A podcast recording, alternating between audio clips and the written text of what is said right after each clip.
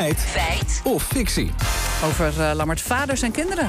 Ja, acteur El Pacino wordt vader, dat terwijl hij al 83 jaar oud is. En naar aanleiding daarvan zijn familietherapeut Elze Marie van Erebeemt gisteren in Dit is de Dag op deze zender dit.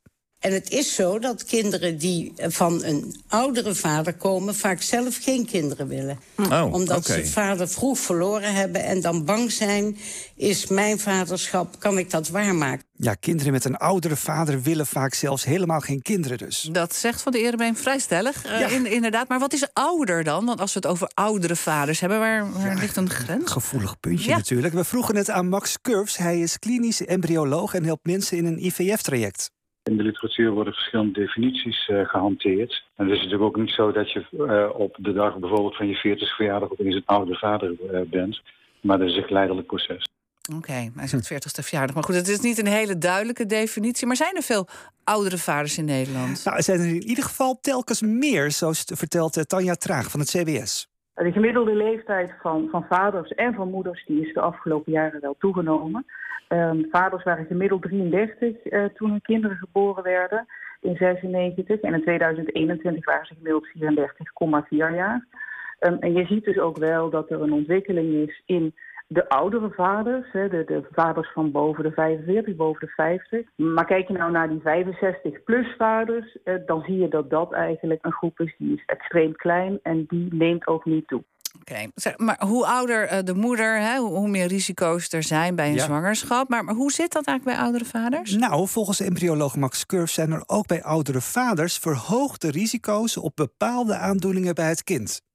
Schizofrenie of autisme spectrumstoornis, maar ook op de, eh, de uitkomst van een zwangerschap. Dus bijvoorbeeld eh, eh, miskraam of vroeggeboorte. Belangrijk is daarbij om wel te melden dat het altijd over relatieve risico's gaat. Hè. Dat zijn natuurlijk zaken die ook in de gewone populatie eh, voorkomen. Nou, er zijn dus medische risico's. En heeft de leeftijd van de vader verder nog invloed op een kind? Ja, daarvoor belden we met Peter Trom. Hij is voorzitter van het Vader Kenniscentrum. En hij dook voor ons de literatuur in. En wat blijkt? Kinderen met een oudere vader hebben een hoger IQ, leven gezonder en langer. En hij vond nog iets opvallends. Er is een, een generatieonderzoek, een bevolkingsonderzoek gedaan eh, eh, over de 17e naar de 18e naar de 20e eeuw. Eh, ja, daar bleek eigenlijk uit dat uiteindelijk kinderen van oudere vaders minder kinderen produceren. hey, dus mensen met een oudere vader die krijgen minder kinderen. Ja, maar volgens de onderzoekers komt dat omdat zij minder vruchtbaar zijn. Ze zoeken de oorzaak dus niet zozeer bij het ontbreken van de kinderwens, zoals Else Marie van Erebeem zegt. Maar ja, één bron is natuurlijk niet genoeg. Dus we belden ook nog met emeritus hoogleraar pedagogiek Louis Tavecchio. En de uitspraak kwam hem niet bekend voor.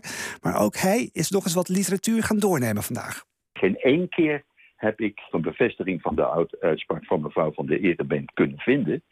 Met de stellige toevoeging dat het niet kunnen vinden, niet, vinden sorry, niet betekent dat het niet bestaat.